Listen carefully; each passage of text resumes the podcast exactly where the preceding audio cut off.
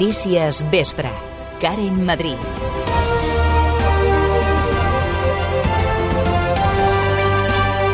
L'incendi de Sant Llorenç, que va cremar més de 4.000 hectàrees del Parc Natural i va provocar 5 morts, compleix avui 20 anys. Júlia Ramon, bona tarda. Bona tarda, Karen.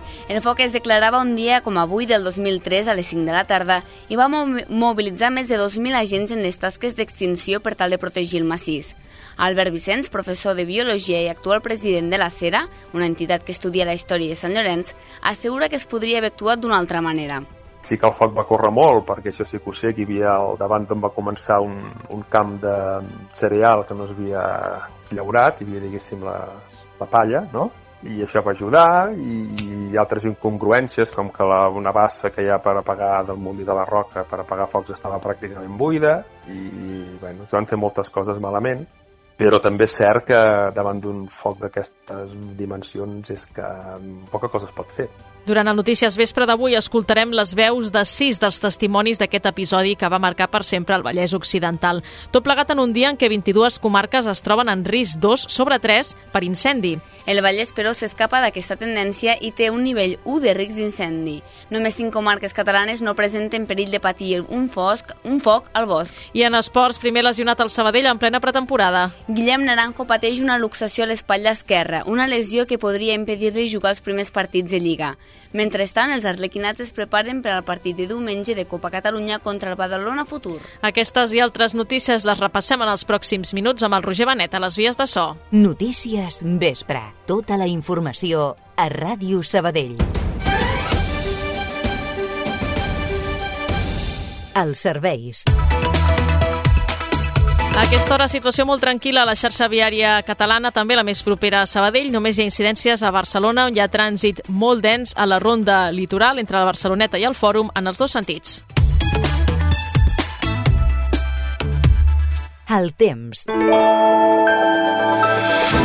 Ara mateix tenim 29 graus a Sabadell, temperatures altes, però que han baixat respecte a ahir 2 graus. Què hem d'esperar de cara a les pròximes hores? Li preguntem a l'Ariadna Coromina. Bona tarda. Bona tarda. A hores d'ara l'ambient és força calorós a molts punts del territori, però en especial a les comarques de Lleida, l'interior de les Terres de l'Ebre, el perlitoral del Camp de Tarragona i també cap a punts del Pirineu i del Prepirineu de la vessant occidental.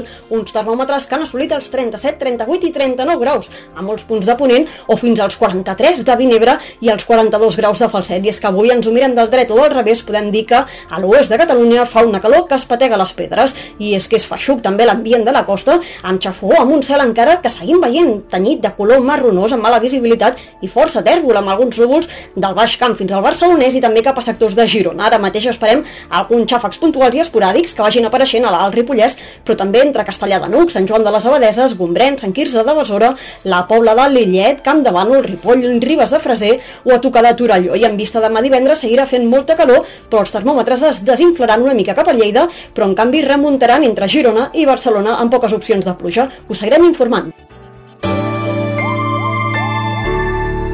Avui fa 20 anys de l'incendi de Sant Llorenç Savall que va afectar el Parc Natural, la nostra comarca i també el Vallès Oriental i el Bages. Hi van perdre la vida 5 persones i es van cremar 4.558 hectàrees. El 10 d'agost del 2003, uns minuts abans de les 5 de la tarda, es va iniciar el primer foc.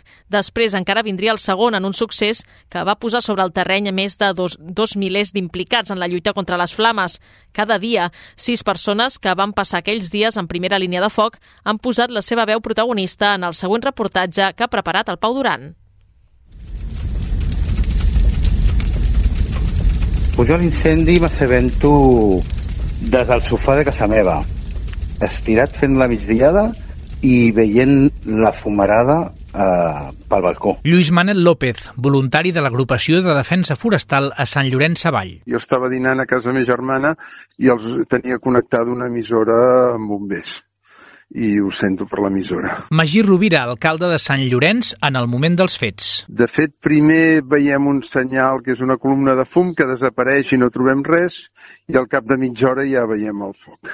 Això eren quarts de cinc de la tarda d'un diumenge. Dia de Sant Llorenç, per cert. És el 10 d'agost del 2003. Des de l'Ajuntament, Rovira activa el pla d'emergència contra incendis forestals, truca als regidors i al 112 i envia el vigilant Albert Rifà a la urbanització de Comavella. Vaig rebre una trucada que, que m'anés cap a Comavella per avisar la gent doncs, que es posessin a, a bon lloc. perquè el foc, diguéssim, volava. Quan va arribar allà el foc ja estava arribant i vam, bueno, va tocar donar l'ordre de desallotjament ràpid per seguretat perquè tampoc no sabíem com aniria la cosa i el tema estava doncs molt calent, molt. Fa 10 dies que les condicions climàtiques compleixen la regla excepcional del 30-30-30, és a dir, per sota del 30% d'humitat, a més de 30 graus de temperatura i amb vents de més de 30 km per hora. Eduard Cladella és un bomber sabadellenc que participa en les tasques d'extinció. Llavors, això són les circumstàncies que donen doncs, que el foc pues, avanci ràpid i la capacitat d'extinció sigui, bé, no, no, no, pugui, no pugui arribar al front de l'incendi. A més aquest incendi va tenir la peculiaritat que a la nit, la mateixa nit del 10, de les, cap a la matinada, va sortir un altre foc a Gallifa entre Sant Llorenç i Gallifa. Les flames fan entre 7 i 8 metres d'alçada i quan arriben a nova massa vegetal en pugen un parell més encara. La capacitat de radiació és tan alta que els focs secundaris comencen vàries desenes de metres abans que arribi la línia de foc. El veig des de l'autopista de, de Lleida, de Lleida i Manresa, diguéssim perquè la, la columna de foc era tan bèstia que es veia des de 100 quilòmetres de distància. Eh? Vull dir, hi ha imatges de satèl·lit que es veu perfectament el, el bolet, diguéssim, de, de la fumera, perquè clar, era un incendi grans, de grans dimensions. Albert Vicenç, professor de Biologia i actual president de la CERA, entitat que estudia la història de Sant Llorenç. El poble estava cobert d'un núvol de color, a més a més, com que ja era cap vespre, tarda, vermellós, cendres per tot arreu, eh, una temperatura infernal i tothom mobilitzat i tothom preocupat. El cap era impossible d'apagar, anar fent tots els, els laterals. Sempre el que diem és anar de cua pels dos laterals pues, intentant anar, anar, anar apagant el foc i que, bueno, que era, la capacitat d'extinció era, era molt difícil, dir, perquè hi havia flames molt altes, corria molt el foc i era, era bastant, bastant entès tota la situació, més en seguida es va fer molt gran i la capacitat d'extinció pues, va, ser, va ser bastant fotuda. A Sant Llorenç, la franja de protecció que es manté des de l'any 91 evita que cap cas hi quedi afectada. El foc cremarà 4.558 hectàrees. Valentí Rossell és propietari de finques forestals a dos llocs de l'incendi. Tenim dues finques, una al terme de Sant Llorenç Savall i una altra al terme de Granera. La finca del terme de Granera era una finca molt gran que fèiem explotació forestal, es va cremar pràcticament totes les 600 hectàrees que hi havia i la finca de Sant Llorenç doncs es va afectar un poquet.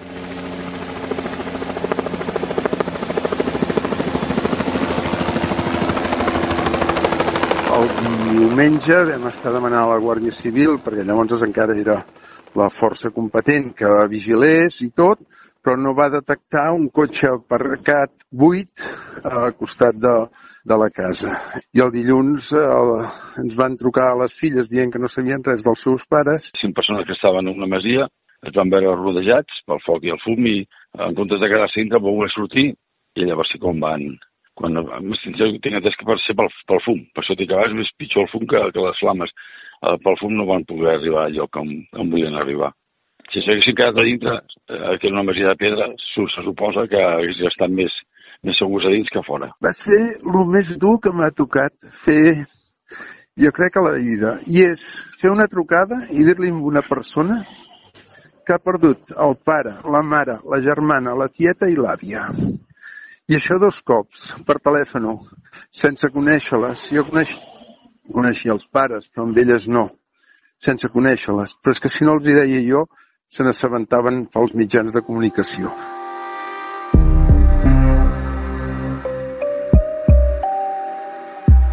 Penso que si nosaltres no tinguéssim el parc natural aquí al costat, el foc hauria anat d'una altra manera. No dic res més. Al principi això va semblar.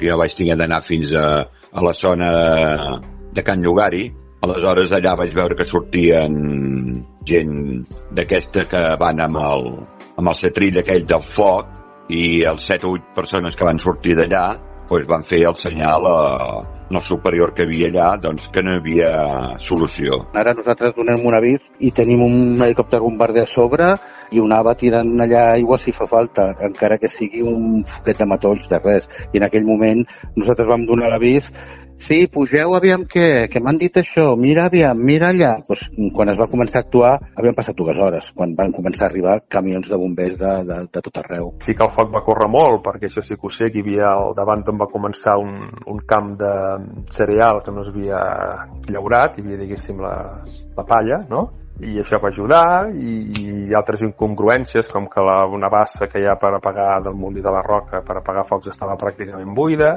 i, i bueno, es van fer moltes coses malament però també és cert que davant d'un foc d'aquestes dimensions és que poca cosa es pot fer. Oficialment va haver-hi un sospitós de provocar-lo, però no es va poder demostrar res. Jo crec que va ser un cos humana, el que no sabem si va ser per negligència o, o intencionat. El que està clar, el primer, que és el que tinc més clar, va ser provocat. Però podria ser provocat accidentalment o podria ser provocat intencionadament. Com que pot ser qualsevol de les dues causes i no tinc cap element que m'hagi tombat per una o per l'altra, no puc dir res més. El foc es dona per controlat el dia 17, uns minuts abans de les 8 del vespre, i les actuacions acaben la tarda del dia 19. Sumant tots els registres diaris, es comptabilitzen 2.035 bombers, 291 vehicles terrestres i 29 mitjans aeris. S'hi han implicat 2.000 persones cada dia, entre bombers de diferents parcs, ADFs, agents rurals, voluntaris, Guàrdia Civil, brigades de reforç del Ministeri i l'Exèrcit. De recuperar, però tot així ja es veu que ha passat un foc per allà, però han recuperant, va recuperant de mica en mica. La zona de Llagranera, aquella finca que tenim, hi havia molta pinassa i molt rajolet, que són una varietat de pins, que quan passa el foc a l'estiu no tenen encara la llavor i això, i pràcticament ha desaparegut. Hi ha molt matoll, deixen algunes alzines, però hi ha zones molt, molt castigades. I la zona d'aquí Sant Llorenç hi ha molta regeneració, perquè és una zona de molt de pi blanc, i el pi blanc regenera molt bé després del foc. En 20 anys no s'ha fet res no es fa ni una tasca per netejar boscos o com mínim eh, minimitzar una mica el risc que pot haver-hi perquè cada vegada hi ha més massa forestal, està més brut el bosc, aleshores hi ha molts arbres que estan malalts i s'han mort i no es fa res. Vol dir que la gent que està al despatx no veu el que està passant al bosc. Un monòlit en una clariana davant del xalet del Rossinyol a la carretera de la Vall d'Horta recorda les víctimes dels incendis.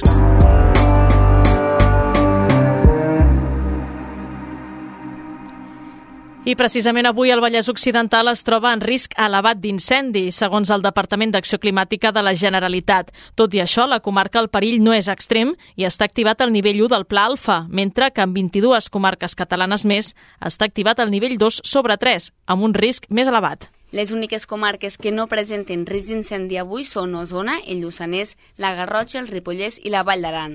En aquest context de risc generalitzat, les autoritats demanen molta precaució en les activitats del medi natural. A més, també reclamen a la població molta atenció i que alertin en cas de detectar una columna de fum trucant al telèfon 112. De moment, el Vallès Occidental està esquivant els grans incendis forestals. Tot i això, també s'han registrat petits focs, com el que ahir a la tarda van cremar 600 metres quadrats als matolls del camí de Can Quadres de Sabadell. L'incendi va tenir lloc a primera hora de la tarda per causes desconegudes i hi van intervenir dues dotacions de bombers i una de la policia municipal. D'altra banda, a la tarda també hi va haver un incendi en una indústria de Castellbisbal, on va cremar un autobús al pati interior i hi van treballar cinc dotacions de bombers i no es van haver de lamentar ferits. Aquest any és més fàcil veure les llàgrimes de Sant Llorenç perquè hi ha poca lluna. Aquest, però, no és l'únic factor que influeix. La il·luminació urbana i la visibilitat nocturna també hi tenen molt a veure. És per això que Albert Morral, el director científic de l'agrupació astronòmica de Sabadell, recomana anar a un lloc aïllat i tranquil com la Salut, el Coll d'Estenalles o els camins que van cap a Castellà, però també cal tenir molt en compte el quan. Tot i que hi haurà estels fugassos durant la nit, hi haurà una franja horària clau. Sempre recomana a partir de les 12 de la nit, a primera hora de la nit també en podem, en podem veure, eh? però que sigui ben fosc, ben fosc, eh, de 12 a 5 de la matinada, eh? que, que serà quan ja començarà a, a despuntar una mica el sol, és l'hora bona. Però no, no, no és perquè en aquella estona en caigui més, és per la foscor que, que hi ha en aquell moment, eh? en aquella estona. I si encara volem afinar millor la vista, hem de buscar la constel·lació de Perseu, que és on sembla que s'originen tots els estels. I com la trobem? Morra ens dona unes indicacions. Doncs aquesta constel·lació està bastant a prop, està al nord-est. Eh? Si, si sabem trobar o sabem on és al nord, l'estrella polar i la, la Ossa Major, Ossa Menor, les constel·lacions del nord, hem d'anar una mica més cap a l'est, eh? molt a prop d'una constel·lació que es diu Cassiopea, per sota de Cassiopea, eh, que també és d'aquestes mm, que sempre es veuen, doncs allà tenim Perseus.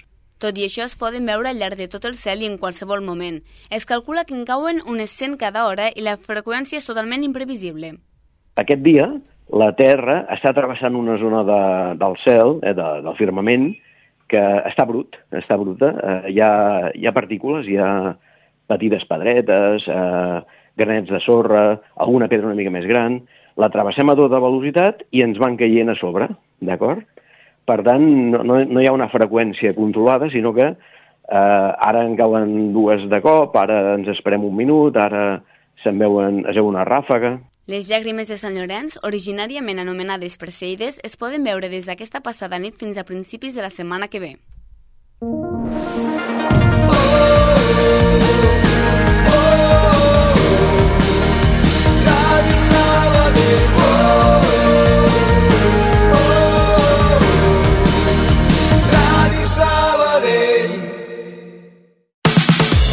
Coneixes l'app de Taximés? Descarrega-te-la i reserva un taxi còmodament des de la nostra app. Més informació a taximesapp.com. Taxi! Ràdio Taxi Sabadell. El teu taxi de referència a Sabadell. Ràdio Sabadell. Notícies vespre. Fora de Sabadell i la comarca. Els bombers treballen en un segon incendi ja controlat a Tivís, a la Ribera d'Ebre. Sobre el terreny hi treballen 22 estacions i 8 mitjans aeris per apagar el foc, iniciat a la zona de Toa, a un quilòmetre i mig un altre foc que s'ha declarat al coll de Llumeneres cap a les 12 del migdia i que els bombers ja han donat per estabilitzat. Els, incend els, in in els indicis apunten que en la passada nit han caigut molts llamps que haurien pogut causar el foc. L'Organització de Consumidors FACUA acusa la Comissió Nacional de Mercats i la Competència de fer un estudi a mida sobre la rebaixa dels preus preus dels aliments bàsics. L'informe assegura que tant fabricants com supermercats han respectat la retallada de l'IVA dels productes bàsics, un extrem que l'Organització de Consumidors nega rotundament. En aquest sentit, insisteix que els preus han pujat des de la implementació de la rebaixa de l'IVA. I el diputat electe de Vox, Juan Luis Stigman, també ha renunciat a l'acte al Congrés i ha dimitit com a vocal del Comitè Executiu Nacional del partit. El qui va ser el número 6 a la llista de Vox per Madrid a les eleccions del 23J havia de substituir precisament Espinosa de los Monteros com a diputat al Congrés, després que aquest renunciés dimarts a l'acte i abandonés els càrrecs del partit. Ara la següent llista de, la, de Vox per Madrid és la que ja va ser diputada en l'anterior legislatura, Carla Toscano. Esports.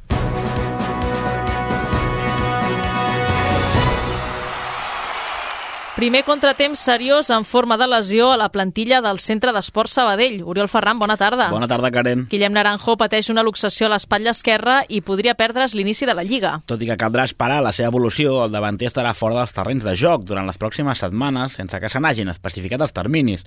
El punt, cedit pel Zaragoza, s'ha lesionat a l'entrenament d'avui al matí i ara haurà d'aturar la seva activitat durant aquesta pretemporada. Es tracta d'una situació semblant a la de Jaume Pinyol, qui va ser operat per una luxació patida durant la temporada passada i que encara es troba en el tram final de la recuperació. Recordem que també han estat baixa aquestes setmanes Ricard Pujol i Antonio Sánchez. Mentrestant, la resta de l'equip es prepara per la cita de diumenge a Badalona de Copa Catalunya, un partit en el qual s'espera que hi torni a participar Àlex Gualda. Un jugador que s'ha guanyat un lloc en el mig del camp del centre d'esport per aquesta temporada. Amb contracte fins al 2024, el club ha decidit apostar per ell, tot i les circumstàncies de fons mesos. El curs passat va estar a punt de marxar en el mercat d'hivern perquè Miqui Lledó preferia altres jugadors, però el basc a poc a poc es va anar guanyant els minuts amb el seu joc. En la majoria de casos va entrar al terreny de joc des de la banqueta, tot i que va ser titular en cinc ocasions durant la segona volta. Gualda espera tenir encara un rol més important. Por eso está la plantilla, para eso somos tantos, para, para, pues eso, para aportar cada uno lo, lo mejor que tiene. Y bueno, yo en su día ya lo dije, mi intención era quedarme aquí y pelear por, por tener minutos. Al final lo conseguí, me, me, lo gané y bueno, y este año con, con la máxima ilusión de, de seguir aportando al equipo al máximo. En aquesta pretemporada, Gualda ha estat titular en dos partits i ha participat en els quatre, marcant un dels gols de la tanda de penals de Tona. El futbolista bilbaí elogia el nivell de la plantilla que s'ha fet des de la direcció esportiva. Personalmente soy ambicioso por naturaleza y ya te digo que, que creo que hay buen equipo. Eh, creo que, que podemos conseguir cosas, cosas bonitas y hay un buen grupo, de, tanto en lo futbolístico como en lo personal, que, que és lo més importante. Recordem que el pròxim compromís del Sabadell serà aquest diumenge a les 8 del vespre al Municipal de Badalona, en la segona ronda de la Copa Catalunya, davant el Badalona Futur. El preu de les entrades és de 5 euros. Encara en informació del Centre d'Esports, el juvenil B va arrencar ahir la pretemporada amb Albert Milà com a nou entrenador. Ahir a la tarda es va posar en marxa el segon equip juvenil del Sabadell, que per segon any consecutiu jugarà a la Lliga Nacional. Milà, que tot just va ser presentat ahir a la tarda, explica quin equip s'ha trobat. Em vaig trobar un equip eh, una plantilla bastant llarga i hem d'acabar d'aquestes dues tres setmanes que venen hem d'acabar de seleccionar els jugadors que ens puguin donar una miqueta més de rendiment. Però molt content, eh? O sigui, l'equip eh, molt competitiu, un nivell de jugadors molt, molt maco, sobretot de talent individual i que ens permetrà competir molt bé la temporada, segur. El segon equip juvenil disputarà 7 partits de pretemporada abans de començar la Lliga al setembre. El primer compromís amistós serà el pròxim dijous 17 contra el primer equip de l'absolut del Fruitosenc, de tercera catalana. Saltem a l'aigua perquè l'Estralpool Natació Sabadell masculí ja coneix els seus rivals a la Champions de Waterpolo. Aquest migdia s'ha celebrat a Manisa, Turquia, el sorteig de la primera fase de la Copa d'Europa de Waterpolo masculina. Els nois d'equip Colet han caigut al grup A amb el Novi Beograd i l'Esteaua de Bucarest i el guanyador del grup B de la fase prèvia, qui si no hi ha cap baix, serà el Brescia italià. En aquesta fase hi haurà quatre grups de quatre equips i es jugarà a dues voltes entre el 26 de setembre i el 6 de desembre. Només els dos primers es classificaran per la següent fase que consistirà en una nova fase de grups i que se, se celebrarà a partir del mes de març. Els dos primers classificats de cada grup aniran a la Final Four. El director esportiu del club, Xavi Balaguer, ha valorat el sorteig. El Brescia és un equip, eh, si acaba sent el Brescia l'equip que compli aquesta quarta plaça, és un equip doncs, realment eh, complicat perquè eh, és un equip històric a nivell, a nivell europeu, és un equip que sempre està en els últims anys a Final Eight, és un equip doncs, doncs de, de gran rendiment en la Lliga italiana i per tant doncs, eh, és un grup que, que no serà fàcil, però evidentment nosaltres optarem a una d'aquestes dues, dues places perquè aquest és el nostre objectiu. L'equip femení, per la seva banda, haurà d'esperar fins al 10 de setembre per conèixer els seus rivals, ja que les de David Palma se salten la fase prèvia. Un cop es resolgui, el club entrarà en una competició que tindrà un nou format, començant amb una fase de grups de dues voltes. Només el campió continuarà viu per passar directament a la Final Four, ja que la ronda de quarts de final s'ha eliminat. Encara a l'aigua, la nedadora artística del Natació Sabadell, Txell Ferrer, torna a l'Europeu Júnior de Funchal amb tres medalles a la maleta. La del Natació Sabadell va aconseguir penjar-se el d'or a l'equip tècnic, la plata a l'equip lliure i el bronze al duet tècnic. L'equip espanyol ha aconseguit 10 medalles a l'Europeu Júnior de Funchal, que sumades a les 7 del Mundial de Fukuoka del juliol, fa que es posi de manifest la millora de la natació artística espanyola. Ferrer assegura que això els ajuda a continuar treballant. Jo crec que en el seu màxim no sé, perquè al final ha sigut un any de moment que ha anat bé i a veure continuar, però jo crec que està tornant a remuntar i està tornant la sincro que havia sigut a Espanya fa 10 anys o així, on es guanyava tot jo crec que pues, ara està tornant a remuntar, sobretot a nivell absolut. I bueno, això també motiva a nosaltres, que som generacions més petites, pues, a seguir també. Ferrer va participar també al duel lliure, on va acabar la cinquena posició.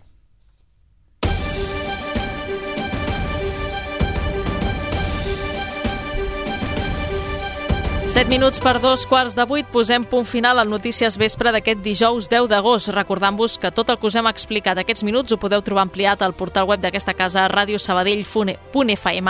Tornem amb més notícies al 94.6 demà a partir de les 10 amb els butlletins horaris i a partir de les 2 amb el Notícies Migdia. Que acabeu de passar un bon dia, adeu-siau. Allà on siguis, escolta'ns online. En directe.radiosabadell.fm